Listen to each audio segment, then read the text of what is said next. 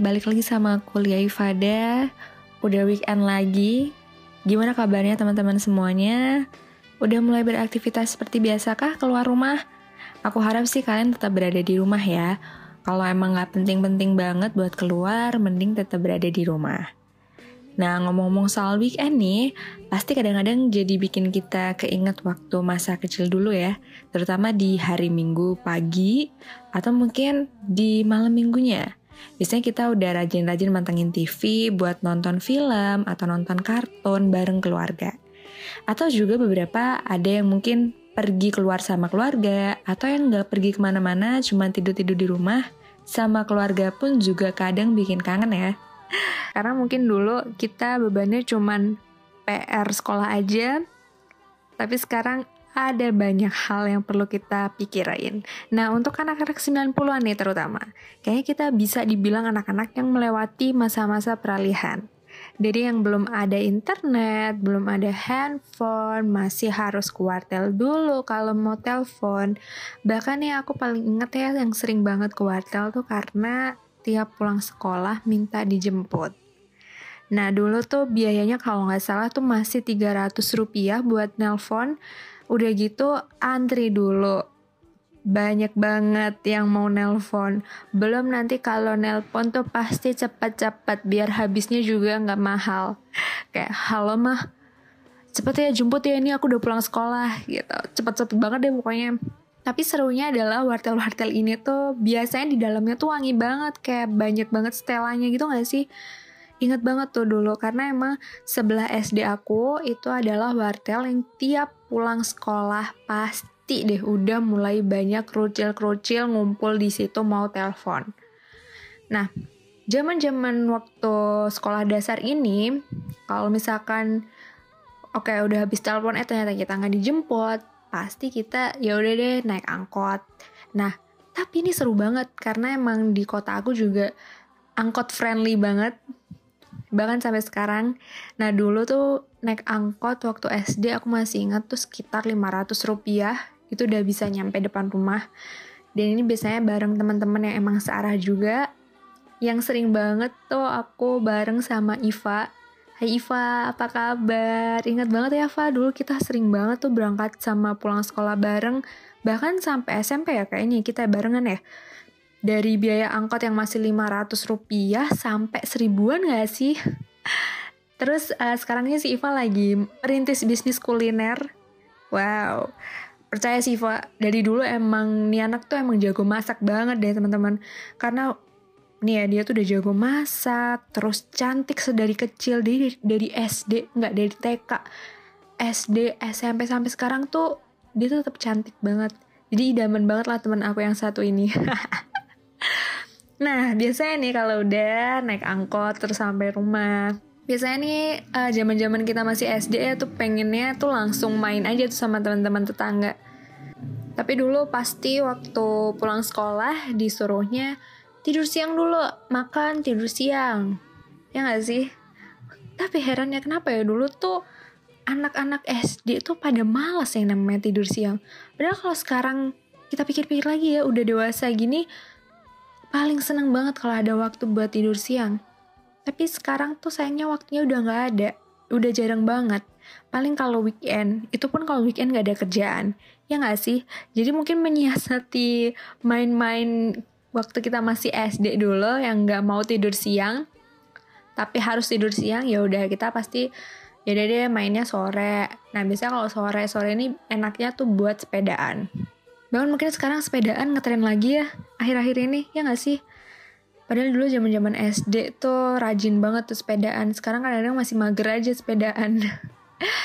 Zaman zaman SD ini tuh emang mungkin karena lagi baru-barunya bisa sepeda ya, lagi suka-sukanya banget nih sama sepedaan atau jalan-jalan pagi sama teman-teman. Nah, udah kayak yang paling jago aja tuh dulu kalau udah sepedaan bareng sama teman-teman. Ya nggak sih itu seneng banget kayak, weh barengan kayak konvoy gitu. Apalagi dulu lagi boomingnya film petualangan Serina. Ya nggak sih? Ya pak ya. Aku yakin mungkin hampir seluruh anak-anak tuh punya pikiran dan imajinasi yang sama. Mau sok-sokan petualangan sendiri sama temen-temennya. Terus jangan lupa bawa bekal permen caca ditaruh di bekal makanan ya nggak? Ini nih ada cerita yang agak lucu kalau diingat-ingat lagi. Dulu tuh waktu aku masih kecil pasti uh, kita masih rajin-rajinnya ya bangun pagi. Mungkin karena dulu sekolah SD itu pasti bangun jam pokoknya masuk jam 7 otomatis bangun tuh dari jam setengah 6 udah bangun gitu jadi mungkin jadwal hidup kita tuh lebih tertata daripada sekarang ya gak sih nah waktu kita masih rajin-rajin bangun pagi tuh waktu masih kecil pasti uh, ngajakin teman-teman yang lain buat sepedaan atau jalan-jalan pagi sama teman-teman tetangga Nah waktu itu tuh ingat banget nih pagi-pagi hari Minggu kita jalan-jalan ke perumahan sebelah. Mungkin sekitar ada enam orang gitu deh. Nah ini tuh perumahan yang emang terkenal banget banyak anjingnya. Dan kita berenam tuh pada takut anjing. Nah dulu waktu kecil tuh emang takut banget kalau dikejar sama anjing. Nah ini tuh kita lagi ah nggak apa-apa deh nih pagi-pagi paling belum ada anjing yang akan ngejar kita gitu loh. Dan ini tiba-tiba waktu kita jalan eh ada anjing yang emang ngegonggong. Nah kita semua otomatis kayak langsung lari gitu loh. Kayak lari, tapi anehnya otak aku yang masih kecil ini biasanya orang lari tuh lurus gitu ngikutin jalan. Nah aku tuh enggak jadi aku tuh justru larinya masuk ke rumah orang. Jadi aku tuh larinya masuk ke rumah orang. Karena dulu aku tuh mikir karena emang aku waktu kecil tuh nggak bisa lari sampai sekarang aku juga nggak bisa lari sih. Jadi dulu pasti aku lari uh, paling terakhir jadi paling belakang Nah, aku mikir kalau misalkan aku lari paling belakang, otomatis anjingnya akan kena aku duluan. Nah, daripada aku larinya lurus, mending ya udah aku larinya ke samping. Masuk ke rumah orang. Emang kreatif banget sih nih otaknya. Nah, ini nih, jadi aman, aman. Tapi belum lagi kalau kita bisa naik sepedaan bareng-bareng nih. Dan harus ngelewatin kayak ada kuburan gitu.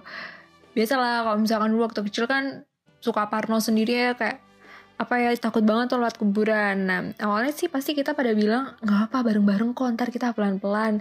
Kasian jangan saling ninggal ya. Tapi tapi biasanya waktu udah mulai ngelewatin kuburan ya pikiran semua orang tuh pikiran bocah-bocah ini tuh ambiar semuanya ya nggak sih kayak yang yang depan nih biasanya yang depan tuh biasanya langsung ngegas ngegas aja gitu kayak nggak tahu kabar belakang gimana Padahal kita tuh udah niatin ngegas kalau lewat kuburan. Eh, dua orang yang paling belakang tuh pernah nih kejadian rantainya tuh malah copot di tengah-tengah jalan pas di kuburan. Jadi tetap aja kita harus balik lagi. Dasar nih anak-anak. Lucu juga sih kalau diinget. SD tuh emang mungkin lebih banyak ke main-mainnya dulu mulai masuk ke usia-usia SMP nih tahun 2007-an. Nah, ini nih memasuki masa-masa alay. Terus sudah mulai masuk era-era peralihan di mana teknologi itu mulai berkembang. Dari yang awalnya kita tuh kalau nelpon harus kuartel, sekarang udah ada telepon rumah dan juga handphone. Nah ngomong-ngomong soal telepon rumah, dulu tuh pasti telepon rumah bakal jadi langganan di telepon temen-temen buat nanyain PR Halo, ini Meli tante mau ngomong sama Lia. Halo, ini Iva tante mau ngomong sama Lia. Ntar pada nanya PR dulu, terus nggak boleh kelamaan kadang-kadang. nah masa-masa ini tuh lucu juga sih masa-masa di mana uh, kita juga udah pada punya handphone. Awal-awal kita punya handphone sih biasanya. Kalau diingat-ingat, dulu tuh kita juga kayak pernah jadi korban hoax zaman SMP gak sih? Awal-awal kita punya handphone, awal-awal kita bisa nelpon, bisa SMS, terus kita pernah dapet kayak semacam pesan kalau nggak dikirim ke 10 teman kalian, kalian bakalan mati. Ingat nggak? Ingat nggak? Pasti kalian ada yang ingat nih. Atau lagunya yang dinyanyiin sama Gaby nggak sih kalau nggak salah? Yang dulu tuh diyakinin kalau itu tuh ada unsur mistisnya kalau didengerin. Terus sekarang kalau dipikir-pikir, bego juga ya kita dulu ya. Percaya-percaya aja gitu kayak dikirim lagi kan ke 10 teman kita. Ini ini juga korban-korban hoax gitu sih. Mungkin kalau dipikir-pikir ya kita sama aja kayak orang tua kita zaman sekarang gak ya sih? Yang kalau orang tua kita kan gampang banget nih kemakan hoax-hoax di Facebook ya. Gara-gara masih pemula mencerna adanya internet gitu. Nah kalau kita dulu mungkin karena masih awal punya uh, eh, SMS ini jadi kayak oh iya, iya, iya kalau nggak ntar gue gini gini gini gini gitu. Ya gak sih? Jadi dikit-dikit share. Terus kita juga ternyata pernah ngalamin hal itu guys. Dia udah harap maklum kalau orang tua kita ternyata juga korban kemakan hoax-hoax yang nggak jelas itu. Nah tahun-tahun 2007an ini juga mulai kita melek sama musik ya karena mulai ngulik-ngulik yang namanya musik di kala itu. Kita ditemani juga dengan acara-acara musik di televisi atau di radio, mulai chart-chart ampuh mingguan yang paling sering ditunggu-tunggu.